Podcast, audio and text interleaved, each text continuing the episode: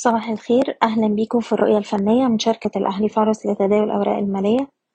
14 مايو 2023 الأسبوع اللي فات كان في محاولة تانية لاختراق مستوى المقاومة الرئيسي 17800 لكن القوى الشرائية ما كانتش قوية بالقدر الكافي إن هي تأكد اختراق المستوى ده الأعلى وبالتالي المؤشر بدأ في التراجع على مدار جلسات الأسبوع وقفلنا بالقرب من أدنى مستويات الأسبوع عند 17270 نقطة.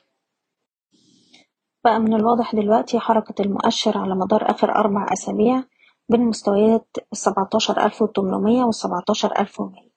وبالتالي بيتجه تركيزنا دلوقتي لمستوى الدعم الهام السبعتاشر ألف ومية وهو مستوى حماية الأرباح على الأجل القصير.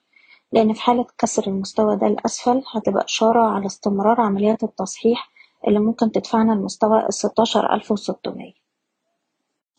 من الناحية التانية أقرب مستوى مقاومة سنوي هو سبعتاشر ألف خمسمية خمسة وخمسين وده أعلى مستوى في آخر جلستين على الأجل القصير بننصح بتبني استراتيجية أكثر تحفظا واستمرار بتخفيض مراكز الشراء بالهامش. والناس اللي عايزة تحتفظ تقدر ترفع مستوى حماية الأرباح لأقل مستويات اتسجلت في الأسبوع اللي فات حسب كل سهم على حدة بشكركم بتمنى لكم التوفيق. إيضاح الشركة غير مسؤولة عن أي قرارات استثمارية يتم اتخاذها بناء على هذا التسجيل